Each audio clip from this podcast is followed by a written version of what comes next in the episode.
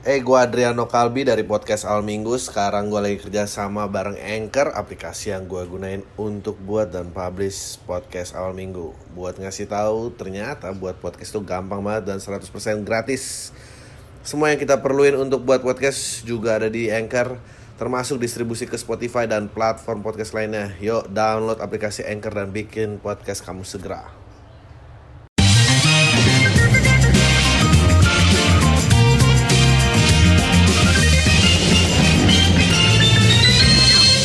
Halo semua lagi dengerin podcast Al Minggu bareng gue Adriano Kalbi. Uh, I don't know when this is gonna air, tapi kayaknya uh, sekitaran Februari akhir gitu atau awal Maret. Uh, by this time kami rekaman itu penderita corona sudah banyak gading. Um, ya pokoknya menyebar terus, tapi meskipun Meskipun sudah ada kabar vaksin, uh, yang meresahkan gue itu kemarin ada uh, yang ngeluarin bikin prediction.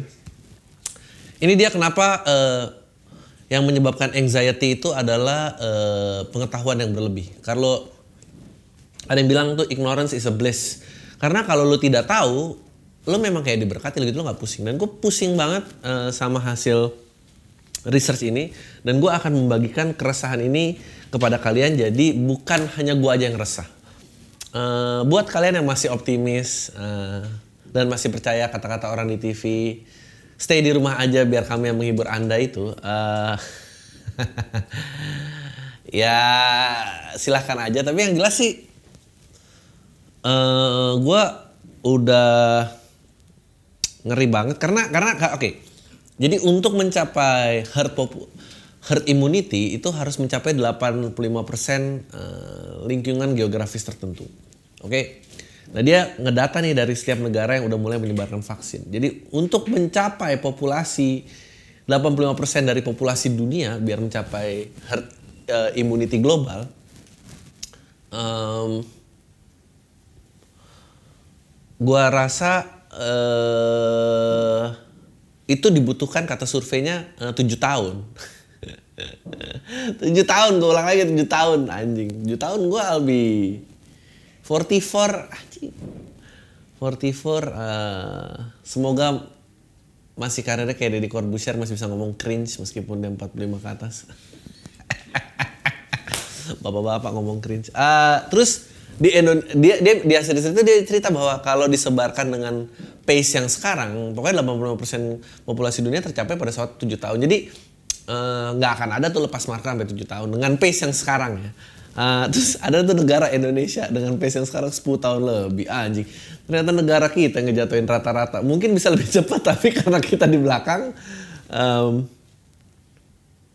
uh, ya rata-rata jadi mungkin kalau kita percepat mungkin bisa kurang dari tujuh tahun karena uh, Rusia juga termasuk itu. Jadi emang Indonesia tuh penting karena biggest population itu Cina. Uh, gue nggak tahu antara Rusia, Amerika dan India. Abis itu kita gitu. Jadi uh, kita tuh menyumbang sumbangsi yang besar banget untuk mencapai um, biar ini herd immunity terjadi.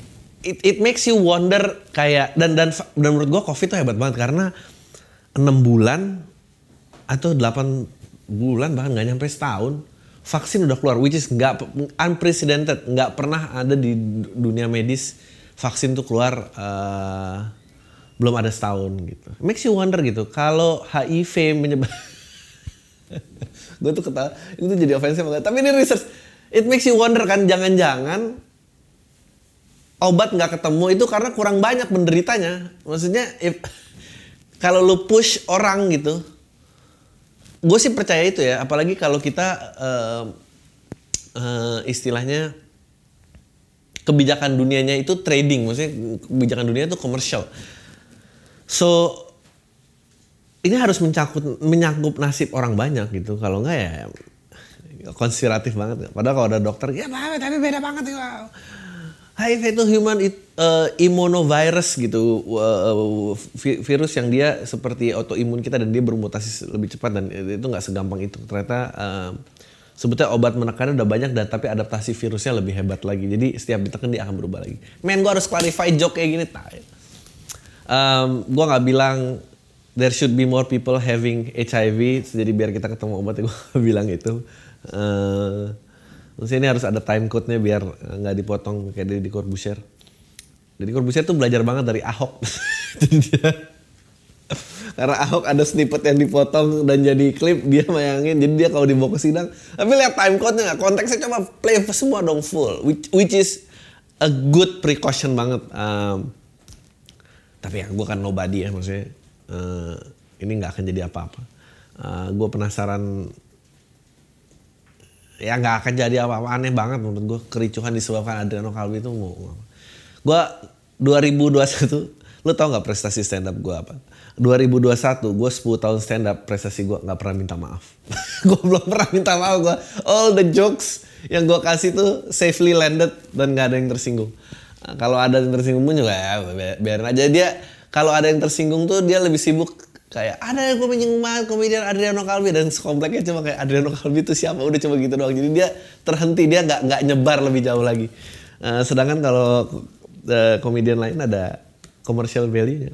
Uh, waktu Darjok tuh yang kepotong, kepotong dan viral, padahal gue loh yang ngucap joknya. Uh, eh, gue yang ngucap joknya, tapi uh, ikon penista agamanya kan bukan saya, jadi saya hanya jadi mas-mas di balik background itu saja. Uh, ya gitu.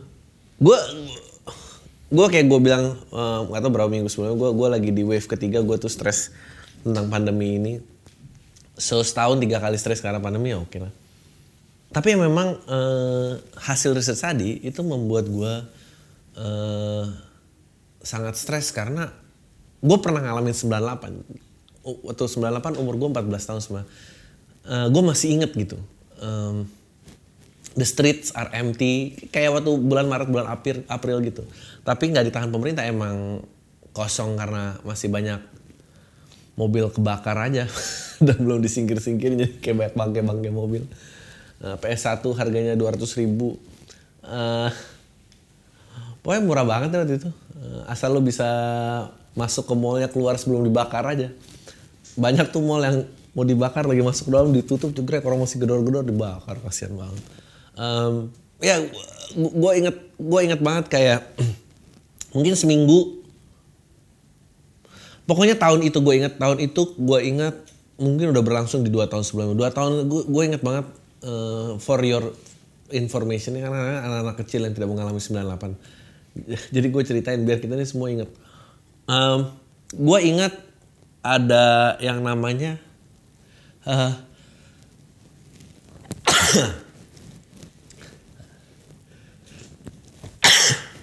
Oke. Okay. Uh, gue ingat banget ada yang namanya di dua tahun sebelum itu bank itu di mana-mana. So there is a boom of banks. Bank di mana-mana namanya udah nggak pernah dengar. Dan lo mikir kayak bank kayak lo lihat uh, Indomaret sekarang kayak gitu tuh bank per di mana-mana. Lo mikir kayak aja kok nih bank banyak banget kayak siang ngalirin dana siapa yang nabungnya siapa gitu.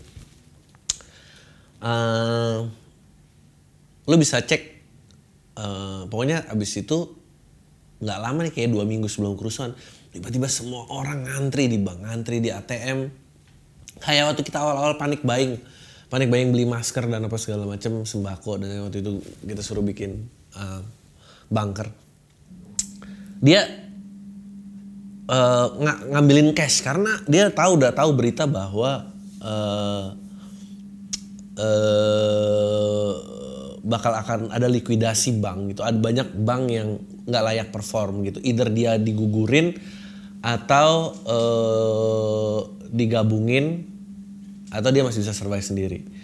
Karena problemnya kan dulu kita ada sumbangan dana IMF gitu, nggak sumbangan sih pinjaman. Um, tapi kita nggak di bail sama IMF, gue nggak ngerti kenapa Asia Tenggara yang lain negara sebetulnya mengalami kondisi yang sama tapi di bail kita nggak, I, I don't know. Katanya mau negulingin rezim lah mungkin kali. But kita nggak di bail, So gue nggak tahu ya. Jadi uh, problemnya itu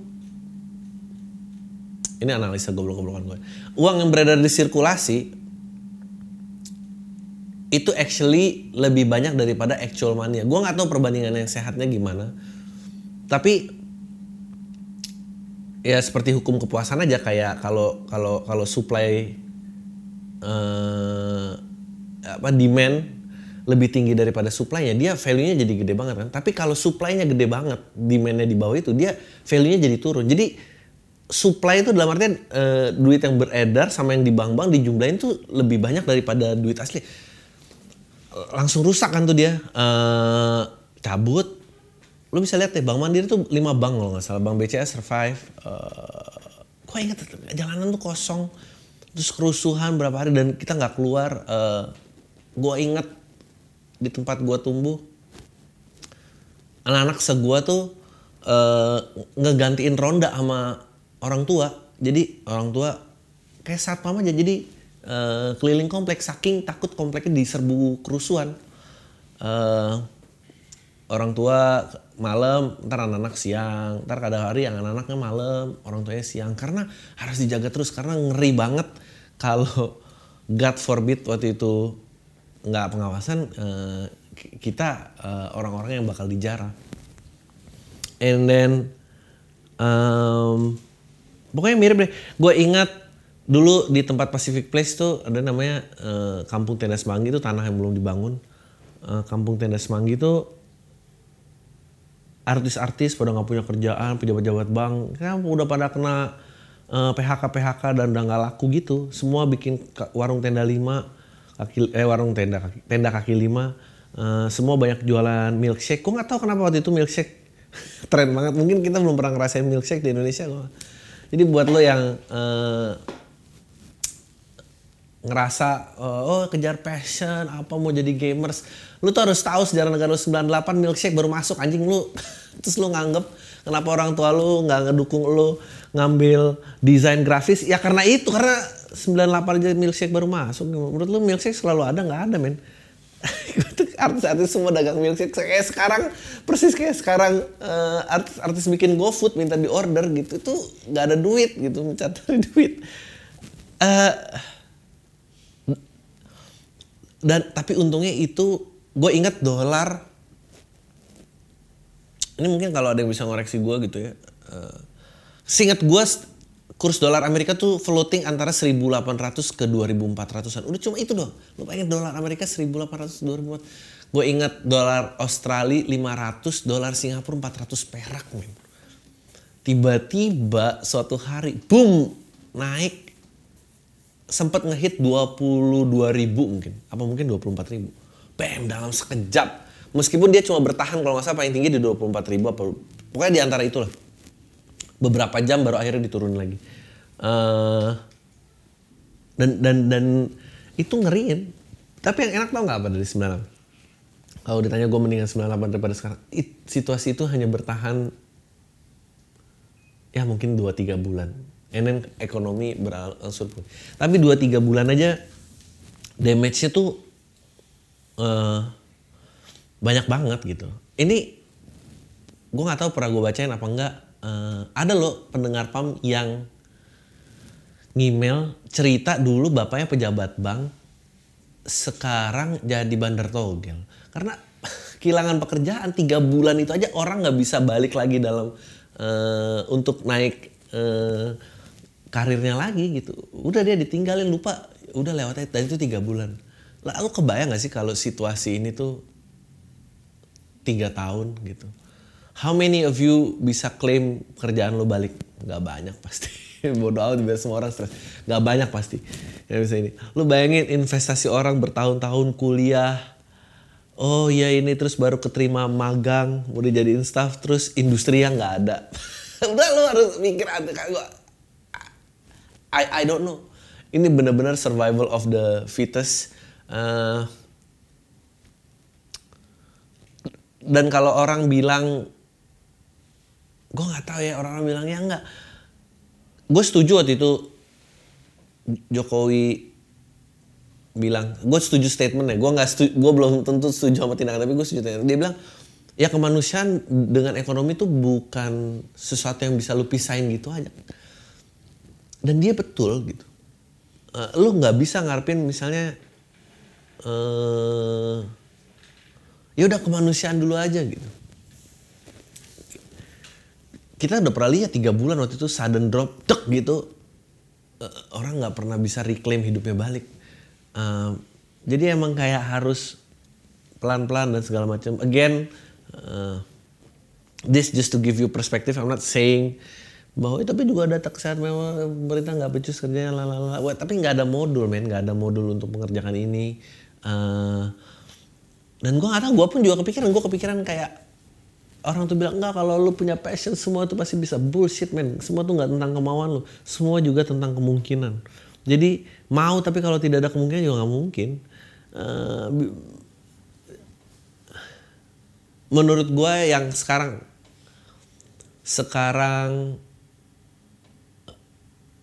terancam paling besar. Jadi kalau misalnya scale uh, profesionalism gitu menurut gue yang sangat terancam itu adalah yang mid level. Jadi kalau yang di bawah dia disikat dipecat duluan pasti dipecat duluan wajar. Nah yang di bawah dipecat pada saat pulih lu masih bisa switch coba bidang lain apa dan segala macam.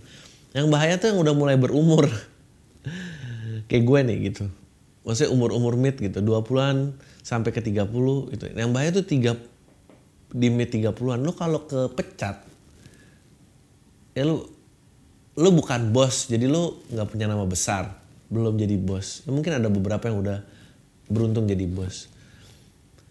Tapi lu mau mundur lu ntar pasti kalah sama yang muda lu mau naik lu waktu itu belum pernah siapa-siapa di atas gue aja tuh kepikiran kayak what if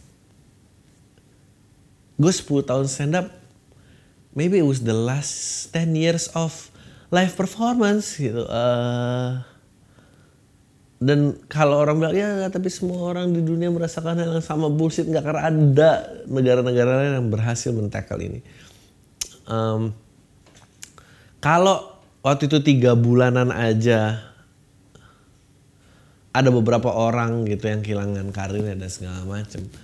Kalau tujuh tahun menurut lo negara bisa hilang nggak bisa? Ini bisa ganti kepemimpinan gitu. Uh, sayang negara nggak bisa merger sih ya. Bisa nggak sih merger misalnya? Kalau merger aduh KTP lo apa semua nggak ada guna. Um, ya gue jadi bingung. Jadi lo lo harus um, menurut gue cari apa namanya? Uh, apa namanya? Nggak tahu deh gue mau apa. Cari kesempatan uh, mencari duit sebanyak banyaknya karena karena nggak gampang. Uh, seperti orang ini gue gue gue suka banget sama orang ini. Uh, dia menjual account account Twitter. Username yang bagus seperti Siwon Super Junior. Gue nyebut namanya udah ketahuan gue gak pernah dengar super, super Junior. At S1 on bisa sampai jutaan. Sekarang ada yang sampai 8 juta. Goblok apa ini tuh kalau dulu di era gua ada yang 200k, ada dana BCA, oh dia kerjaannya pintar juga ya orang ini. Orang ini kerjaannya uh, ngaman-ngamanin user aja. gue seneng orang nge nge sistem kayak gini. Ini hebat banget loh. Orang ini bagus, bagus, bagus satu komoditas. Mungkin dia akan survive melalui pandemi ini. Um, 1,3 juta 130 1,5 juta. Wow wow wow, wow luar biasa. Uh, dulu dulu juga kayak gini. Dulu dulu di 98 eranya uh, .com era. Jadi uh, .com boom. Jadi uh, simpen-simpenan domain gitu anjing banget. Bukan dia tapi kayak Coca-Cola belum like website nya gue bikin Coca-Cola.com lo mau bayar nih website segini gitu. Dan taruh-taruhan gitu anjing banget. Uh, ya bisnis bisnis ini bisnis bisnis yang nggak pakai passion man bisnis bisnis yang menggunakan uh, opportunity. I I think we should balance the narration tau gak lo? Uh, narasi passion tuh dengan opportunity. Uh, gue pengen tahu 100 orang terkaya di dunia itu passion apa opportunity? Berapa lebih banyak percentage mereka mereka bisa bikin itu lalu eh, bandingin aja bacaannya. Gue sih yakin banget opportunity di atas eh 50% yakin gue. 100 orang terkaya Forbes, passion apa opportunity? Gue percaya opportunity. Hmm, karena ya gitulah. eh sorry ini udah berapa menit? Ini 20 20. Oke. Nggak pas tiga berarti. Uh, gue juga eh, lagi mikirin eh, pekerjaan apa yang bisa gue lakuin. gue suka eh, iklan Dirmi dan bapak-bapak. Ini lucu banget karena eh, kalau lihat linknya eh, dia mau jadi iklan, eh, I don't know, menghilang kerutan bapak-bapak gitu modelnya. Eh, tadinya sebelum dan sesudahnya kayak apa eh, banyak flag-flag men gue gue sih bukannya mau so maco. Gue sih ngerasa eh, cowok yang merhatiin kulitnya agak agak aneh ya gitu. But ya gue masih 30-an relatif sehat eh, hidup nggak stres-stres banget eh, olahraga kuat jadi eh, kulit lumayan lah. Tapi gue nggak tahu kalau gue di kaca kayak kayaknya ada ini ini kantung mata harus biar hilang. Em, dia lah jadi lebih cerah dan jadi lebih muda. Terus that would be end. Meskipun kalau gue di endorse kalau gue di endorse krim muka gue mau sih gitu. Kayak ada krim mata ini terus hilang. Em, tapi nggak ini. Eh, menurut lo mana yang lebih nista? Lelaki concern kulit bagus apa lelaki concern berewokan apa enggak? Menurut menurut gue sama-sama ini loh menyedihkan. Lo ngomong gitu karena lo punya brewok. Ya gak cuy kalau gue gak punya brewok juga gue biasa aja menurut gue lebih sedih gak punya bulu kaki daripada gak punya ada orang-orang yang kakinya kayak meja aja gitu licin kayak belut. Kasihan banget ya kayak ke pantai kalau pakai sendal jepit celana pendek cuma nggak ada bulunya gitu cuma belang sendal jepit doang di bawah. Eh, kayak di ujung jempolnya cuma nggak ada bulunya. Gue nggak bangga sih sama bulu kaki cuma I don't know kayaknya nggak punya bulu kaki tuh sedih aja ya. Sih gue inget dulu SMP kan mulai puber tuh. Terus ada yang puber duluan tuh bulu kakinya udah kayak ngalahin bapaknya gitu di muka-muka yang masih kayak kumis-kumis lele tipis gitu. Dia udah bulunya tamat terus dia cuma jadi korban teman-temannya dicabutin bulu kakinya. Tapi menurut gue yang lebih sedih lagi yang bahkan gak dipedulin karena nggak punya bulu kaki. Nggak selamanya dibully itu buruk menurut gue ada juga eh, dibully itu karena oh, ternyata ini gue divalidasi sama teman-teman gue gitu. Em, ya I don't know. Eh, in terms of masculinity gue nggak ngerti juga sih. Kayak botak orang bilang banyak bikin minder. Tapi nggak Jason Statham botak keren-keren aja. Zidane keren-keren aja. Eh, Michael Jordan botak eh, yang menurut gue Jason Statham sih. Karena Jason Statham kalau dibotak licin kan lo kayak mengaburkan bagian mana yang botak gitu ya. Itu channel ini asal channel ini nggak akan ditonton siapa siapa gini anjing. Karena nggak ada bapak-bapak yang mengalami kebotakan itu ngakses podcast al minggu. Ah tapi Zidane dan Jason Statham dikasih main hairline-nya ada di mana terus ya udah gue gini aja. Keren-keren aja. Ceweknya juga keren-keren aja kalau kata temen gue kata Patra sih Waduh, duh, duh. Kalau kata temen gue Patra sih di- eh, lebih mending pokoknya jangan sampai botak dan gendut. Jadi salah satu aja lu either gendut nggak botak atau botak nggak gendut jangan dua-duanya. Kata dia tuh di end I think he's right though he's right. Ah, ya kayak gitu aja. Let's read the questions Eh, gue Adriano Kalbi dari podcast Al Minggu. Sekarang gue lagi kerja sama bareng Anchor, aplikasi yang gue gunain untuk buat dan publish podcast Al Minggu. Buat ngasih tahu, ternyata buat podcast itu gampang banget dan 100% gratis.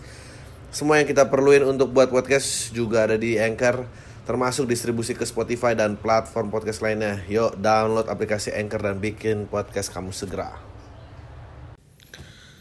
Oke, let's get into the question. Eh, ada orang pengen banget dibaca email sampai ngirim empat kali. Coy, gue kayak baca email makanya nggak gue baca-baca lagi. Bangsat emang. Kenapa sih lo ngirim email segitu banget butuh validasi dari gue? Eh, Ini tujuh tahun kembali normal, gue udah baca. eh, ini ada pertanyaan yang menarik. Halo bang, kapan lo bisa berdamai dengan keadaan orang tua lo? Halo bang, gue baru aja kehilangan mantan gue. Ah, kok orang tua lo dia mantan? Dia dia baru meninggal ya Allah. I've move on actually dengan curhat-curhat negara baru. Iya dulu mantan aku meninggal. Pakai kesedihan untuk mendapatkan yang baru. Nggak, tapi cara yang sah kok. Uh, buat apa punya tragedi kalau nggak bisa digunain? Uh, I move on actually, but this is a different case, right? An- perbedaan mendasar antara lu diputusin sama lu ditinggalin dia meninggal. Coy, kenapa ini acara gini sih? Sakit bang, rasanya ada ada yang nggak rasanya nggak bisa gue jelasin. Ya, I'm sure gue nggak pernah ngalamin itu. Uh, ini sesuatu yang gue hilang aja. By the way, udah makasih baca email gue kemarin. Uh, gue yang nyatain tentang bokap gue yang nggak berguna itu kalau lo inget, ah, I don't know. Yang email ke sini banyak ya bapak yang nggak berguna. Ini pas gue sampai rumah, abis dari pemakaman mantan gue tiba-tiba terlintas di pikir gue, kalau orang yang terdekat gue meninggal, kayak gue ikhlas nggak ya, bakal kehilangan nggak ya? Especially gue mikir tentang bokap gue kalau meninggal, gue ngerasa gue nggak sesiap itu. Katanya bokap gue nggak ada gunanya. yang gue pikirin kalau itu benar-benar terjadi. Nah, di TDP, gue ngerasa lo lebih berdamai gitu dengan kondisi ortu lo. Entah lo nggak mau berdebat atau dengan dia atau apa pun itu. Apa yang membuat lo udah sampai ke titik, situ bang? Eh, ada kejadian khusus atau enggak eh, yang membuat lo seperti itu? Terus kalau di posisi gue, apakah yang baru melihat orang terdekat meninggal, apakah cukup juga membantu berdamai dengan keadaan bokap gue? Thank you bang. Eh, prosesnya panjang sih kalau diceritain. Eh, gue dulu orang yang yang sering bertengkar dengan orang tua gue, especially di di awal-awal umur 20-an gue. Eh, setelah gue pikir-pikir bukan karena gue mau melawan beliau, kayaknya eh gue kayaknya udah punya ide yang nggak bisa gue jelasin ke mereka. Gue pengen hidup gue seperti apa. So pertengkaran itu terjadi. Eh, jadi bukan gue karena benci dia, karena "Ah, nggak ada gunanya. Nggak bukan nangis-nangis. Aku juga nggak minta dilahirin di dunia ini. Gue nggak kayak gitu. Eh, gue kayak mulai punya rough idea or at least punya perasaan eh, hidup gue pengen kayak apa. Dan dan dulu berdebat dan gue kesel kenapa sih lo nggak pernah pengen ada di sisi gue eh lambat laun kalau gue 21 bokap gue tuh mungkin kayak 55 so dia juga masih healthy 50-an gitu. Nyokap gue mungkin 48-an eh gue and then gue ngelihat mereka bokap gue mulai 60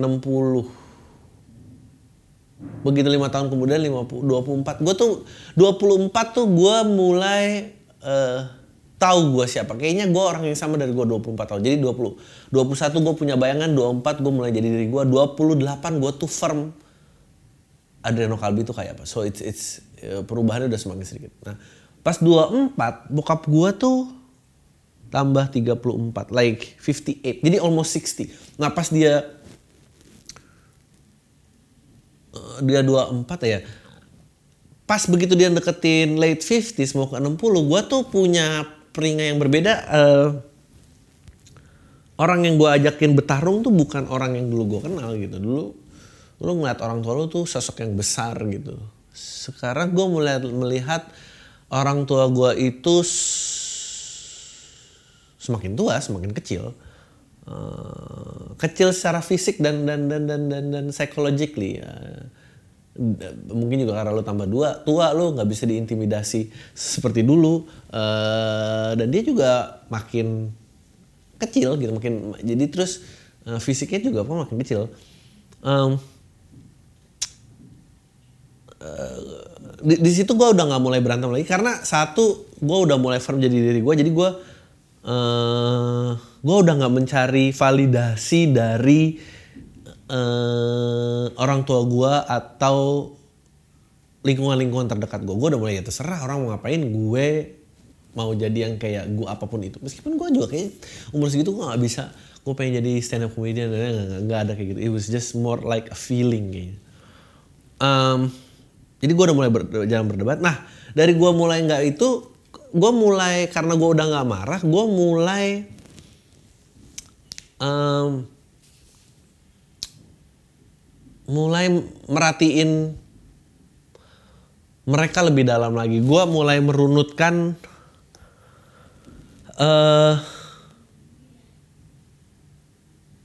tapi gue masih marah. 24 tuh gue masih marah. Cuma gue udah nggak butuh afirmasi. Kalau 21 tuh gue marahnya 20 lah gue 20 21 tuh gue marahnya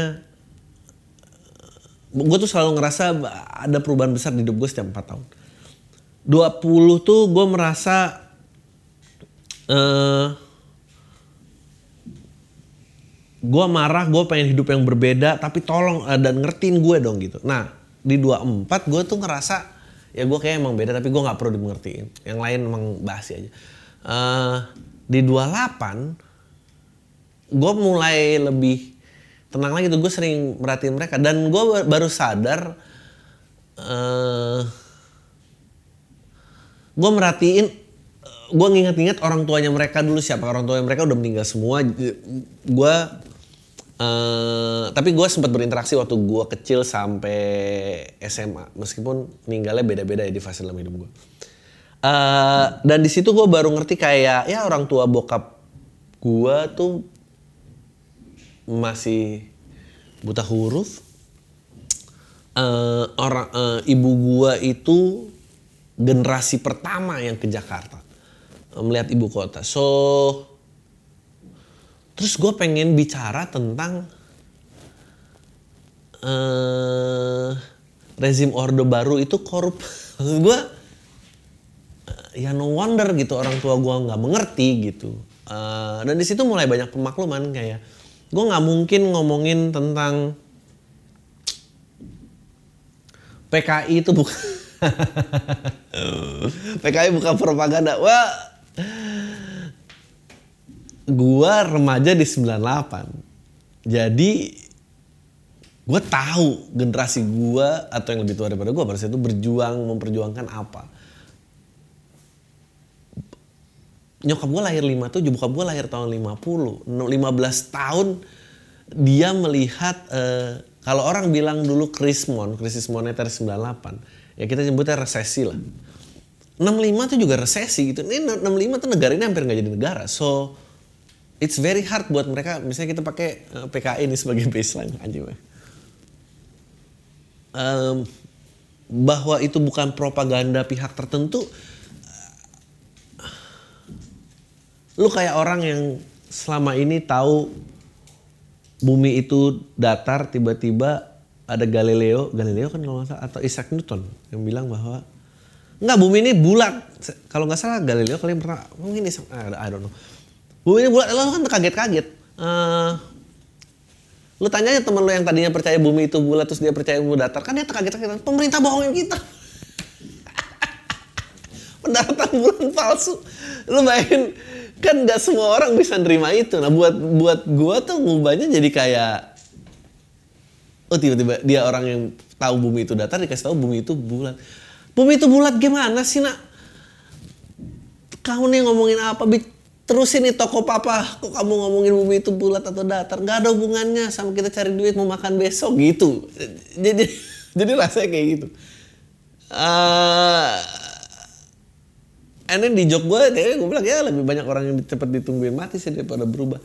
I say that as a joke tapi itu it, it, it's- itu itu cara yang kejam banget untuk naruh di situ. Tapi kalau kita mau jujur kesempatan berubahnya di mana sih? Eh, ya nggak ada dan dan dan gue yakin misalnya kayak sekarang nih gue gue mengalami eh, FPI dibubarin organisasi terlarang. Ini tiba-tiba narasi yang kita percaya adalah sekarang. Lu bisa aja nih 20 tahun ke depan, nanti anak-anak lu bilang kayak, kan banyak korban HAM yang dialami FPI dan tidak pernah ditemukan keadilannya. Kita nih sebagai manusia, kita nih sebagai manusia, kenapa keadilan nyawa manusia harus pilih kasih? Lu akan menghadapi pertanyaan itu sama men. Like orang tua gue dulu menghadapi pertanyaan itu dari gue.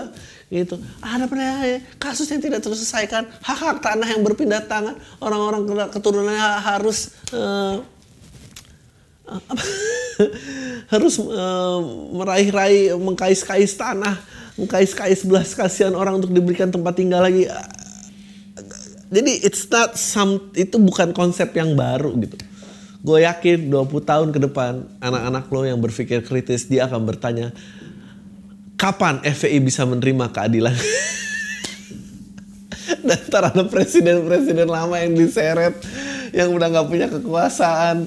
Dan ini kayak suruh bersaksi dan dia baru ditangkap pada saat udah nggak punya kekuasaan man it'll be a sad sight. Wah gila.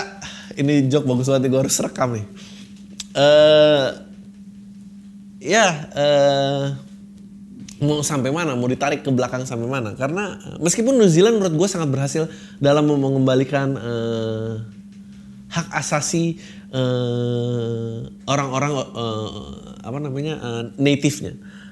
Tanah dikembalikan bahasa kembali dipergunakan lalala tapi lu bayangin ya kalau misalnya tanah lu udah da- lu udah tiga generasi nih tanahnya di situ. Terus tiba-tiba ada yang bilang nggak nggak, nggak. Eh, dulu ini tanah eh, milik orang yang disinyalir PKI tapi dia bu, dia hanya partisipan yang tidak tahu apa-apa. Men, lu, jangan lupa 65 tahun 65 tuh banyak main yang buta huruf. Eh, mungkin yang presiden kepilih presiden juga syaratnya cuma bisa baca kali. Nggak banyak orang pinter belum banyak men. Orang pinter itu kayak Gojek awal-awal yang gajinya masih 30 juta. Tapi begitu semuanya udah ini udah nggak spesial lagi orang bisa baca. Em, di dia lu udah bayangin tiga turunan di situ lu udah nggak tahu sejarah apa apa ini tiba-tiba satu ada orang ketok-ketok kayak Pak ini dulu ada orang yang nga- mengalami ketidakadilan pada PKI ini punya kakeknya sekarang bapak harus keluar dia masuk rumah ini karena ini tanahnya punya dia. Kalau nggak berantemin semua itu itu hal yang sangat sulit lagi untuk diluruskan. Anjing gue kayak orang tua ya. Gue kayak lu tahu gak sih karena tu, mulai tua tuh pada saat lu memilih convenience bukan eh, keadilan yang sesungguhnya karena keadilan pun brutal men Um, ya, so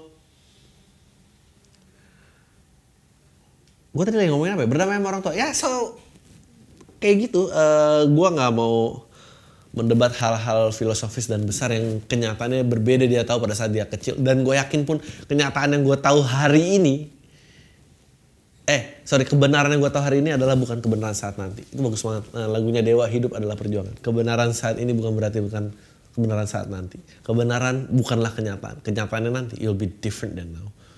Dan lu semua yang ngerasa pintar eh,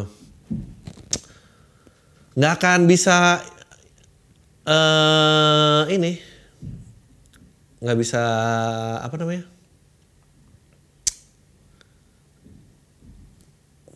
belum tentu benar lagi. Oke. Bang, menurut lu kenapa sekarang industri udah jarang produksi musisi sekelas Led Zeppelin, Guns N' Roses, Kurt Cobain kalau di Indonesia almarhum Nika Ardila. Ya Allah, kenapa Nika Ardila disamain sama Led Zeppelin? Coy, Nika Ardila tuh menurut gue sesiapa ya di luar negeri? Alia, Alia. Anjing, pasti lu gak tahu Alia R&B. Kenapa program pencarian bakat seperti Indonesia Idol tidak pernah menerima peserta metal? Ya karena market metal nggak brand friendly. Siapa yang mau? Wah, oh, minum cap kaki tiga rusak semua. Industri kan eh, kaya karena ada sponsorship, ada barang-barang yang bisa ditempel. Metal apa yang bisa ditempel? Eh, metal-metal ramah lingkungan anjing jelek banget. Eh, waktu itu juga ada geng tuh geng Harley di Amerika yang keliling sweeping sekolah-sekolah untuk eh, pencegahan bullying. Ya Allah jelek banget. Dari mulai nggak ngerti aturan membela eh, ini pengusung anti bullying Eh, I guess itu satu. Kedua eh, kalau lu metal kenapa lu butuh vote penonton ya biar biar merasa tervalidasi? Eh, jadi atau komentar-komentar Juli metal ya metal aja men. Udahlah. Em, kalau nggak ada sekelas Led Zeppelin, Guns N' Roses, Kurt Cobain, menurut gua nggak ada satu nggak ada SDM-nya, kedua industrinya udah nggak medianya, platformnya tidak mengizinkan itu. Lo denger musik 5 detik pertama nggak enak, lo suruh ganti. Lo dengerin Phil Collins In the Air Tonight, eh, mungkin Led Zeppelin, A Starway to Heaven, maksudnya lagu-lagu 8 menit gitu yang siapa yang mau, mau denger 8 menit, anak-anak sekarang udah nggak kuat. 8 menit lama banget. Eh Oke yang berikut.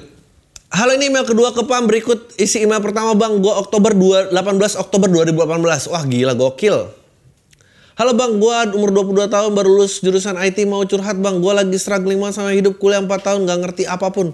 Mau menyesali 4 tahun gak berguna itu marah sedih semua campur aduk penasaran lo ke depannya gimana? Gua lupa ngejawab apa. Semenjak gua kirim email itu bulan depannya gua keterima jadi programmer di salah satu perusahaan multinasional yang berbasis di Inggris. Luar biasa. Mendengar pam nih uh, kerja di sana udah 2 tahun. Kemudian akhir tahun kemarin gua diketerima tes CPNS sekarang terdampar di salah satu kementerian dengan tunjangan nomor 5 terbesar di Indonesia. Email yang bandelnya menyusul bang. Eh congratulations ya. Gua tunggu email uh, bandelnya. Uh, menurut gua uh, do what you can. Uh, jangan kebanyakan mikir jangan kebanyakan konsep. Karena uh, kayak idealisan itu tidak bisa dimiliki banyak orang. Uh, gue happy banget lo bisa mengangkat derajat lo dan lo bisa ngata-ngatain temen lo yang kayak ya tapi apa tuh kerjaan apa? Gini gue yakin dia juga nggak bisa apa-apa sekarang. Uh, oke. Okay.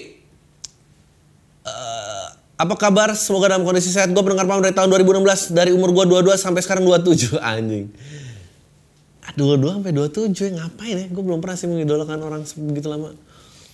Uh, kuliah sekarang udah kerja nggak pernah denger nggak pernah bosan dengerin podcast lo bang. Selama ini gue selalu kagum sama lo. Kenapa? Karena lo selalu punya perspektif dalam topik yang lo bawain dan kemampuan lo untuk mengelaborasinya. Pertanyaan gue adalah, apakah lo punya template untuk mengelaborasi topik yang lo bawain? If so, boleh tolong kasih tahu caranya dong bang. Gak punya templatenya. Uh, I think I get better because ya gue ngelakuin ini bertahun-tahun dan gue tahu uh, caranya berpikir caranya uh, pikiran gue bekerja uh, mengevaluasi dan menganalisa dari berbagai macam pandangan. Uh, gue percaya lo tau gak sih goretan di keras kosong kalau lo nggak percaya menggambar? Gue yakin kalau lo ngegores garis aja gitu dan garis itu bisa dilihat jelek dan lo terus terus terus terus dan itu akan ada improvement di garis itu. Uh, so gue nggak punya template-nya uh, gue hanya semakin percaya diri sama pandangan gue aja. Pandangannya tetap sama dari dulu tapi mungkin kepercayaan dirinya yang beda. Uh, jadi lo harus lakuin ini. By the way ini email pertama gue buat lo semoga lo baca ini setelah gue setelah email yang lucu atau mood lo lagi bagus jadi bisa dijelasin lebih lama. Sehat selalu bang. Thank you. Uh, waktu yang pakai revisi nih. Oke. okay. Waktu terbaik untuk deketin mantan lagi, oke. Okay. Uh, bang Adri gue habis putus sama mantan gue kami pacaran sa belum sampai tiga bulan tapi gue udah kenal sama keluarga dan beberapa circle temennya dia udah yakin ke nikah nikahan temennya nyokapnya juga cukup sayang sama gue ah bisa aja tiap gue ke sana di, dibekelin bekal banyak digokarin baliknya ya allah digokarin balik padahal habis nyium anaknya kurang ajar loh tante nggak usah tante. Saya juga dapat balasan yang setimpal sebenarnya cuma tante nggak tahu aja. Uh, sampai ke rumah juga dipesan makanan di awal hubungan kami berkomitmen untuk mencoba sampai ke jenjang pernikahan. Semua juga kalau tiga bulan begitu. Tapi semua berubah saat dia mulai kerja di bulan Januari. Kebetulan dia nakes. Nakes apa sih? Uh, Desember lalu pas resign pas masuk lagi jadi masuk cukup sibuk banget kami sempat hampir sebulan gak ketemu tapi masih aktif chatnya kadang tel Uh, salah gue sih sebenarnya yang sering keras kepala kalau dia ngasih pendapat atau concern waktu kita ada masalah gue gue pengen minta maaf. Terkait hal itu puncaknya setelah dia ketemu ortu gue yang datang ke Jakarta banyak yang nggak sesuai dengan ekspresi katanya khususnya di sisi culture. Waktu kita ribut yang terakhir kali di telepon ngebahas soal ketemuan ortu itu. Sayangnya sifat keras kepala gue keluar karena gue cukup ngebelain ortu gue yang baru pertama kali ketemu pacar gue sama pacar anaknya seumur hidup mereka. Jadi wajar canggung gitu. Ya menurut gue lo di posisi yang benar. Bukannya gue maaf dan menyesal nggak mau ngulangin lagi, tapi gue malah ngasih pembelaan untuk setiap statement dia. Wah, itu wajar men. Dan menurut gue kalau dia nggak bisa consider pendapat lo ya, ya susah ya. Maksudnya dia punya ekspektasi apa tentang orang tua lo. Dan akhirnya putuslah pacaran kami sekarang gue WhatsApp masih dibalas tapi nggak sesering sebelumnya. Gue minta waktu dia buat ketemu sekali lagi untuk minta maaf. Gue saya minta maaf men. uh, secara langsung tapi dia bilang agak susah kalau buat dia ajak diajak ketemu. Nggak bisa cepet-cepet. Dan biasanya kalau kayak gini pasti cuma nggak ketemu. Akhirnya dia dia bilang cuma ya udah ditungguin aja kalau emang mau nunggu. Dia ngewanti-wanti buat jangan ngelakuin hal-hal yang membuat dia makin risih sama hubungan ini. Lah setelah dua hari sebelumnya gue coba DM adanya buat nanya kabarnya dia. Ah menurut gue eh lu gak usah deketin lagi. eh menurut gue lu gak usah deketin lagi. Menurut gue eh, pembelaan lu wajar. Em, jadi eh dia harus terima tentang pendapat orang tua. And menurut gue lu desperate romantic. eh dan menurut gue lu jangan jadi kayak gitu. Eh, sayang boleh menyedihkan nggak boleh men. Sayang boleh menyedihkan nggak boleh. Catat itu ya. Jadi lu harus tahu batas di mana lu udah menjadi menyedihkan. DMAD nya itu menyedihkan men. Lu cuma ngebelain orang tua lu wajar banget. Eh, Oke. Nangis saat di BJ-in. Astaga. Oke. Halo Pak Adri, gue ada cerita, gue udah dengerin lo sejak 2017 dan kali ini gue kirim cerita bodoh amat lah lu cengin, gak apa-apa nih orang udah ikhlas. Jadi umur gue sekarang 20 tahun, gue punya adik cewek umur 19 tahun yang pertama kali pacaran saat masuk kuliah kemarin. Dia cerita sama gue dan nge ngebolehin aja asal nggak disebut nama dia. Oke. Jadi ceritanya gini bang, adik gue ini dari SD sampai SMA dia orangnya ngambis pelajaran terus. Ngambis apa sih? Ngambil. Tiap hari belajarnya, tiap hari belajar dan nggak punya kehidupan yang liar pada umumnya.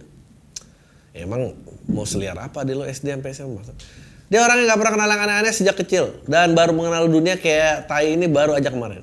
Dia pertama kali deket sama cowok baru kuliah ini waktu pandemi. Cowoknya dia ini menurut gua seumuran dia udah cukup ganteng. Cowoknya dia ini menurut gua untuk seumuran dia udah cukup. Oke, menurut lo ya jadi, menurut lo udah cukup ganteng, tinggi dan bisa dibilang salah satu pemuda yang terkenal banget lah. Nggak mungkin kalau namanya orang pada nggak tahu. Wah, oke, berarti orang terkenal yang minta dibijain aduh oke. Singkat cerita cowoknya adek gue ini deketin tuh adek ini, ini tuh deketin ah gimana sih? Lu nulis yang bener dong. Singkat cerita cowoknya adek gue ini deketin tuh adek gue. Ya iya dari tadi juga emang mau deketin siapa bang? Dan ya pendekatannya emang lucu sih, terutama ajakan buat ngerum sama adek gue. Gue nggak tahu, gue nggak ngerti lu sebagai kakak, adek lu, lu tahu adek lu diajakin ngerum buat lu lucu tuh gimana sih? Dan adek gue menerima walaupun bangsat mereka berdua minta uang ke gue untuk ngerum anjing emang. Ya lebih bangsat lu dong. Kenapa anda kakaknya ngasih uang?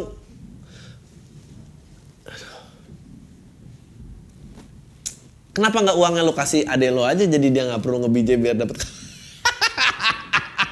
aja lu goblok banget jadi kakak.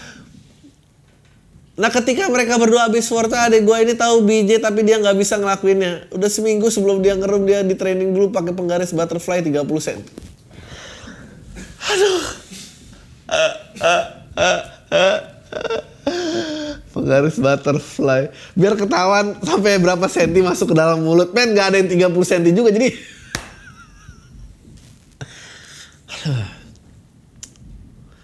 Ini 15 senti juga nggak lewat, nggak habis ketelan itu. Ya Allah, yang bisa disimpulkan dia nggak tahu kalau bentuknya beda saat di lapangan. Cowok ini udah setengah bugil dan terus dia bilang sama adek gue, kamu mau bi nggak bijain aku? Dia tanya pakai wajah mesum, tanya dia pakai wajah mesum. Gue nggak tahu sih lu jadi kakak kenapa ada lu cerita gitu lu diem aja. Oke, gue aku nggak tahu kata adek gue. Yang dimaksud adek gue tuh dia nggak tahu caranya yang bener bukan nggak tahu mau bijak apa sontak langsung ah pakai sontak lagi bangsat sontak langsung si cowok dengan setengah telanjang pakai sempak doang langsung berlutut di adiknya dan nangis. Bangsat aneh bener. Maafin aku beb. Aku memang bawa pengaruh buruk buat kamu maaf. Aku ya kata-kata permintaan oleh sontak adik gue kaget dong. Ini ada orang setengah telanjang saking nggak nangis. Nggak sakit nangis doang. Nangis sungguhan di kaki adik gue ambil ini. Terus. Acik aneh banget. Terus adek gue bilang gak apa-apa ya udah mereka lanjut ngerum nah akhirnya adek gue ngebijain dulu. Dan berharap cowoknya senang. Eh cowoknya nangis lagi dong tambah kenceng udah bilang makasih banget udah mau ngertiin aku bla bla bla anjing.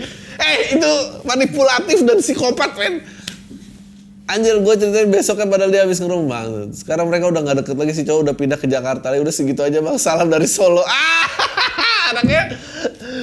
By the way adek gue sama cowok juga udah kalau time cekinnya habis cowok kocak habis bahasat. Siapa yang ngerasa habis dibijain nangis ayo email ke sini. Aduh ya Allah.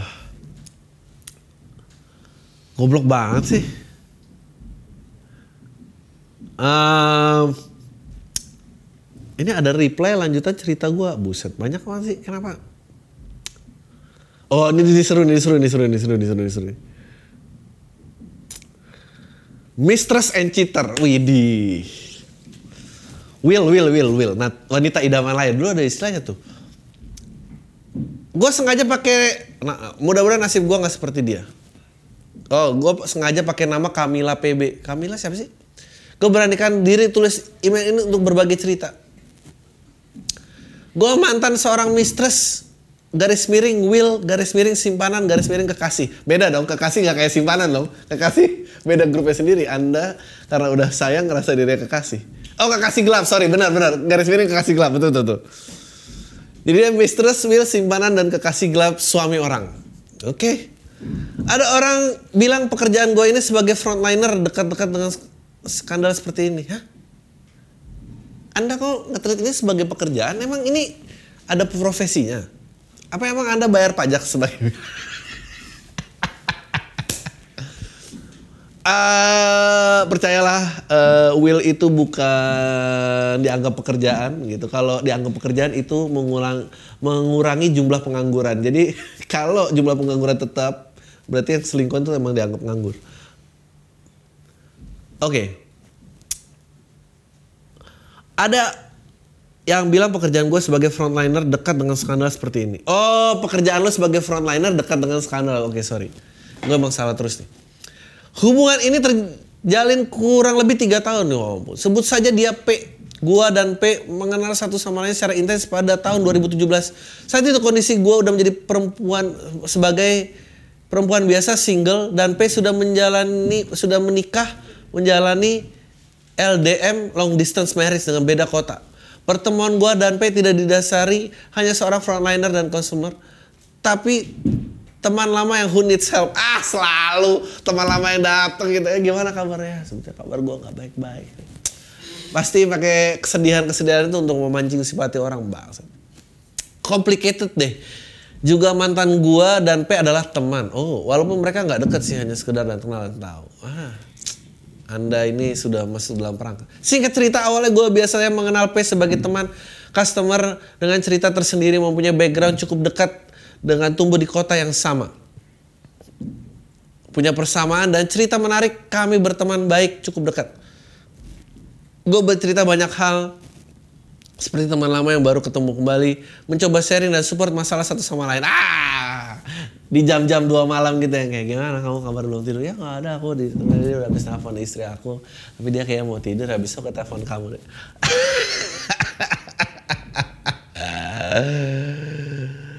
oke. Nggak tahu juga ternyata dia sudah memperhatikan gue sejak lama. Alah kepet. Aku kalau nggak kawin aku sih maunya sama kamu sudah ah Nah iya menegaskan kalau gue udah nggak bisa bersama teman lagi mantan pacar gue. Emang dulu kamu kalau putus sama teman aku itu kenapa sih? Ih emang tuh teman gue dari dulu kayak gitu. Gue sih udah kasih tahu. Gue sih orangnya kayak gitu ya. Uh, ah, gue tahu P da, apa saat P tahu gue udah nggak bersama lagi. Eh iyalah itu masuk masuk teman lama gitu anjing. P cukup menyenangkan hal tersebut tapi sudah jalan ceritanya bisa dibilang gue dan P sama-sama udah memiliki pekerjaan yang baik dan kalau mau bicara penampilan ya gue Ini uh, gua sensor aja aspek keagamaan karena gua nggak pengen ntar ada aspek keagamaan itu seorang jadi tahu bahwa agama ini ntar doyan selingkuh jauh banget. Representasi sesuatu, sesuatu service dan P juga oke okay, pekerjaannya di lapangan di perusahaan oil dan gas company. Wah, untuk keimanan kami masih rutin. Aduh, apa sih? Bentar ya. Pet, pet, gue lagi, lagi tapping pet. Uh, bentar lagi, bentar lagi ya setengah ntar gue telepon balik oke okay? ya. oh, email lagi seru-seru banget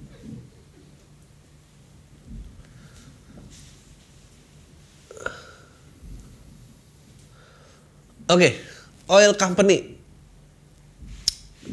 Untuk keimanan, kami masih rutin beribadah wajib. Cukup taat, entah pantas atau enggak gue bicara keimanan di sini gue rasa di mata orang nggak bakal nyangka mas seperti ini enggak nyangka kok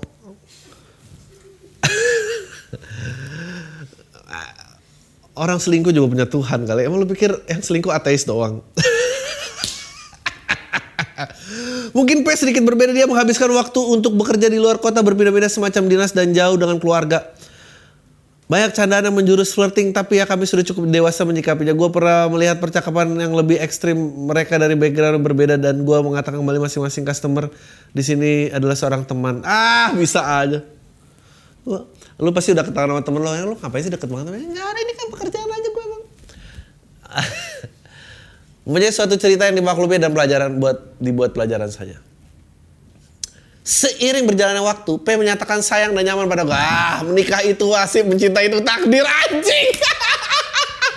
menikah itu nasib, mencintai takdir. Nggak, berarti dia menikah dia menikah bukan 100% pilihannya dia. Dia tuh pasti rasa kepepet atau diminta sama orang. Kita kan udah lama pacaran kalau nggak mau nikahin aku. Dia dia orang-orang yang terjebak yang mutusin nggak tega. Makanya dia bilang nasib. Ya nasib gue jelek gitu kan maksudnya. Goblok lu mau aja sama orang gitu. Mencintai itu takdir dan takdir dia maksudnya ya udah gue I can help falling gue jatuh cinta buat siapa gitu. Ah, kamu bisa berencana menikahi siapa tapi tidak dapat merencanakan cintamu untuk siapa brengsek. Gue kemakan kata-kata ini bang. Gue sadar sekali P menginginkan gue dan gue terus menginginkannya kalau kita teman baik. P menginginkan gue dan gue terus mengingatkannya kalau kita teman baik. P sangat sadar, sangat sadar dan paham ini salah. Oh, enggak, dia nggak sadar dan salah dong. Kalau dia sadar ya dia nggak nelfon lo. Itu hanya alasan-alasan aja. Tapi P tidak kuasa untuk mengatakan ya elah bahwa banyak rasa yang tersimpan untuk gue. Gue bilang ini nggak masuk akal. Aku tuh selalu mikirin kamu meskipun ya Lama banyak diskusi akhir kami putuskan bertemu. Wrong. Rasa itu tumbuh juga di diri gue dan gue putuskan untuk menerima P sebagai teman dekat yang sangat dekat. Sangat bang. P meminta lebih. Dengan keadaan dia, dia tahu persis tidak bisa membagi dirinya aja. Kalian berdua menahan ragu dan dan sedih dengan kenyataan anjing. Lu udah ada lagu-lagu selingkuh ya pasti kayak uh, apa uh, yang gue tahu cuma Reza sama Masaki Weda pengen sekali kita bersama aja ya. Gue bilang kita bisa bersama tapi pasti ki kita nggak akan bersama. Selalu cepat lambat kita berpisah pasti sedih kehilangan orang selalu disayang. Sayangnya emang terlarang ini panjang banget ya Allah oke okay. Tenang, gue nggak ada niat merebut menguasai P, apalagi meminta harta. I can finance myself anyway. Gue tergantung sama respon P aja. Hah? P, sosok yang dominan. P, bilang mengerti dan meminta, anggap saja dia adalah latihan untuk menghapus luka dan hubungan percintaan gue. Apaan lagi nih P? P tahu terlihatnya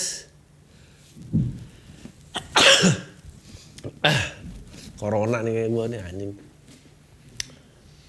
Lu bayang gak sih kalau tiba-tiba ada berapa hari menyatakan bahwa gue tuh corona terus kalian dengerin dia mungkin rekamannya dia udah corona nih. Nah. P tahu terlihatnya saja gue tangguh sebenarnya gue rapuh. P merasa ingin gue tumbuh semangat baru agar lebih memiliki warna-warni hidup di quarter life crisis mungkin. Yang memiliki warna hidup bukan macarin suami orang dong gila apa lo? Kami sepakat dan berjalan sebagai teman yang sangat dekat bisa dikatakan mesra zaman sekarang disebutnya FWB kali ya anjing. Gua nggak berani open relationship gitu gua jadi gua percaya P. Ah, kenapa bisa percaya sama suami orang ya? Feel safety aja stick, sama dia bang. Ya. Ada komedinya itu gitu gue training jadi istri. Ya anjing lucu banget ada komedinya itu itu gue jadi istri. Bagus bagus. Gue merasa udah nyaman hubungan dengan P karena mungkin dia udah berpengalaman di hubungan yang cukup intim. Umur kami berbeda couple years under 30 dan he's almost 30-ish. Hah? Jadi lo di bawah 20 tahun dia 30-an. Jangan almost dong. Either almost 30, under 30 itu sama men mungkin under bisa jauh banget. Almost 30 itu di atas 25 tapi almost 30 ish tuh 30-an kan udah range. Jadi lu gak bisa anjing gue bahasa orang gue akui P ini cukup pintar dan bisa begitu manipulatif. Apa gue yang termanipulasi dengan cepat ya? Ha gue enjoy jadi sosok yang berbeda. Seamless transition and I enjoy it. Berubah arah yang baik dan gak baiknya berbanding lurus. Hari demi hari tiga tahun kami lewati kadang senang kadang nggak ada tawa ada tangis wajar aja namanya juga hubungan anjing goblok. Satu dua seratus satu drama pasti ada. Ya lu nulis lagu apa gimana sih hari demi hari kami lewat tiga tahun kami lewati kadang senang kadang nggak ada tawa ada nangis wajar aja namanya hubungan. Satu dua seratus satu kali drama pasti ada antar anjing ini udah kayak puisi. Eh, antara gua dan P yang diomongin gak sweet talk saja works life family matters family matters endas semua orang ini ada family dia dong yang gak matters gila loh. Personal need dan even dia punya membership apalah gue juga nggak tahu ada hutang cicilan ke bank. Ya Allah udah doyan selingkuh punya utang lagi. Nggak usah lah dipacarin kayak gitu. Berapa kurang lebih gue tau gue kayak di create sama P jadi semacam alter ego dia. Dia to explore something different yet please karena P bekerja pindah-pindah. Kayak bersama di kota P berdinas ya Allah berlibur menghabiskan waktu weekend bersama. Goblok. Gue punya kesempatan buat jalan-jalan beberapa kota admin itu cukup menyenangkan dan adventurous. Hubungan gue dengan P layaknya suami istri jadi kalau ceritanya jadi stensilan. Men ini masih empat paragraf lagi loh sabar aja. Perjanjian kami kalau P sedang berada di rumah bersama keluarga kami nggak akan kontak delete semua. Ya iyalah ya iyalah. Between that gue jalani hari dengan normal bekerja baik-baik aja. Sesekali dia kirim pesan kalau kangen looking forward to see each other soon. Di balik itu semua sepertinya P memiliki masalah komunikasi dengan istri I assume soalnya P sampai berani having affair. Gua nggak berani bahas soal ini saat kami bersama. Jujur gua tahu ini gua tahu profil istrinya she likes to bubble up everything in social media Tapi apa yang membuat P sampai hati ingin juga mengayomi dan menyayangi gue. Berbagi kisah dan kasihnya. Coy, lu tuh nulis apa berbagi kisah dan berbagi kisah dan kasih. Eh, ada apa dengan istrinya? Anjing, keren banget ini. Gue harus bacanya bener ini bagus sih. Ber- eh, ini dia bilang, tapi tapi apa yang membuat P sampai hati ingin juga mengayomi dan menyayangi gue? Berbagi kasih dan cintanya. Ada apa dengan istrinya? Berpantun. Astaga. Sebagai perempuan, gue prihatin dan punya perasaan juga kok. Ada ego P yang harus diberi makan dan sama I need to feel, I need fit him with sincere. Goblok. Satu yang gue pegang, gue nggak mau P berpisah dengan keluarganya. Ya lah, ya lu pergilah kalau P nggak mau berpisah. Biar gue yang biar gue yang cerita tersendiri dan gue yakin gue tidak akan pernah meminta P meninggalkan keluarga. Yakin P mencintai keluarga lalu bertemu gue, gue adalah sepenggal kisah P yang kelam. Kenapa kak? Ya Allah. P meminta hubungan ini berakhir karena istrinya sudah tahu gue ada di antara kami. Ya Allah, istri P saya memperhatikan gue di sosial media. Even though gue udah sangat hati-hati semenjak outbreak COVID-19. Emang COVID-19 itu bikin semua orang menderita, men, termasuk yang berselingkuh. Gue jarang ketemu dengan P eh, karena terjebak di kota yang berbeda. Sepertinya satu kali saja tahun lalu, sisanya texting, video call jadi cukup renggang dan satu hal lain surviving. Awalnya gue sedih dan agak berat, tapi ke- kembali lagi ya harus ikhlas demi kebaikan bersama. Cepat lambat kita berpisah, anjing. C- Kayaknya P cukup sukses build gue sebagai sosok, sosok yang keras dan tegar. Ibaratnya susah senang harus ditelan dan dihadapi. Coy, ini yang romantis. Lo apa P sih? Gue pantas untuk tidak dimaafkan, tapi gue pun mau berubah. Gue ingin mengubur kisah dengan P dan melanjutkan hidup masing-masing. Tahun sudah baru 2021, biar jadi cerita yang hanya gue dan P yang bisa dikenang bersama senangnya saja, pahitnya nggak usah. Edan, gue gak perlu ngasih punchline apa-apa nih. Dengan segala kerendahan hati gue mohon maaf kepada istri P dan keluarga istri P. Mohonlah dia. Walau gue nggak sempat sampaikan langsung, but I mean it, he knows it. Ya Allah, sejak lama gue, ya ampun, sepenggal, sepenggal cerita diselingkuh, sepenggal cerita selingkuhan. Watch podcast awal minggu tanggal. Eh, Oke, sampai mana tadi? Dengan segala kerendahan hati gue mohon maaf kepada istri P dan keluarganya. Walau gue nggak sempat sampaikan langsung, but I mean it, he knows it sejak lama gue merasa bersalah atas hubungan yang melukai rumah tangga seseorang. Gue nggak ingin rasa bersalah ini terus-terus membayangi gue. Gue sepanjang mengingat hal ini tersebut, gue sampai konseling ke psikolog. Gue malu pas konseling karena rahasia ini yang tahu hanya gue, P, dan Tuhan. Dan psikolog dong. Dan Adriano Calvi sekarang. Dan semua podcast minggu gimana sih? Eh, gue mau melewati masa berpisah gue sama P alhamdulillah eh P dengan tenang dan lanjutkan hidup dengan baik. Alhamdulillah itu works until now. Jadi gue jadi gue sembunyiin agama aja lu pakai alhamdulillah. Jadi ketahuan dong udah susah-susah. Akhir-akhir nih gue kangen P tapi gue posisikan hanya nostalgia nggak mau ada kontak lagi. Gue kepo sosial medianya. Kayaknya P berant lagi berantem sama istrinya soal cheating lagi Semoga mereka baik baik lagi deh, jadi bahagia dan pengen nggak cheating lagi. Gue udah pengen ketemu jodoh dan nikah secepatnya nggak mau kebayang-bayang masa lalu gue. Yang pengen gue tanya adalah astaga, ada yang murid aja setelah sepanjang ini. Dulu ada kesempatan bertanya mana aja. Once gue pengen tanya pendapat lo bener gak sih bang kalau once a cheater always a cheater? Once a cheater, always a cheater. Menurut gua, lu tuh cheater kalau ketahuan gak deh, gak deh, gak deh, gak gitu. Apa itu? Gua, gua nggak tahu.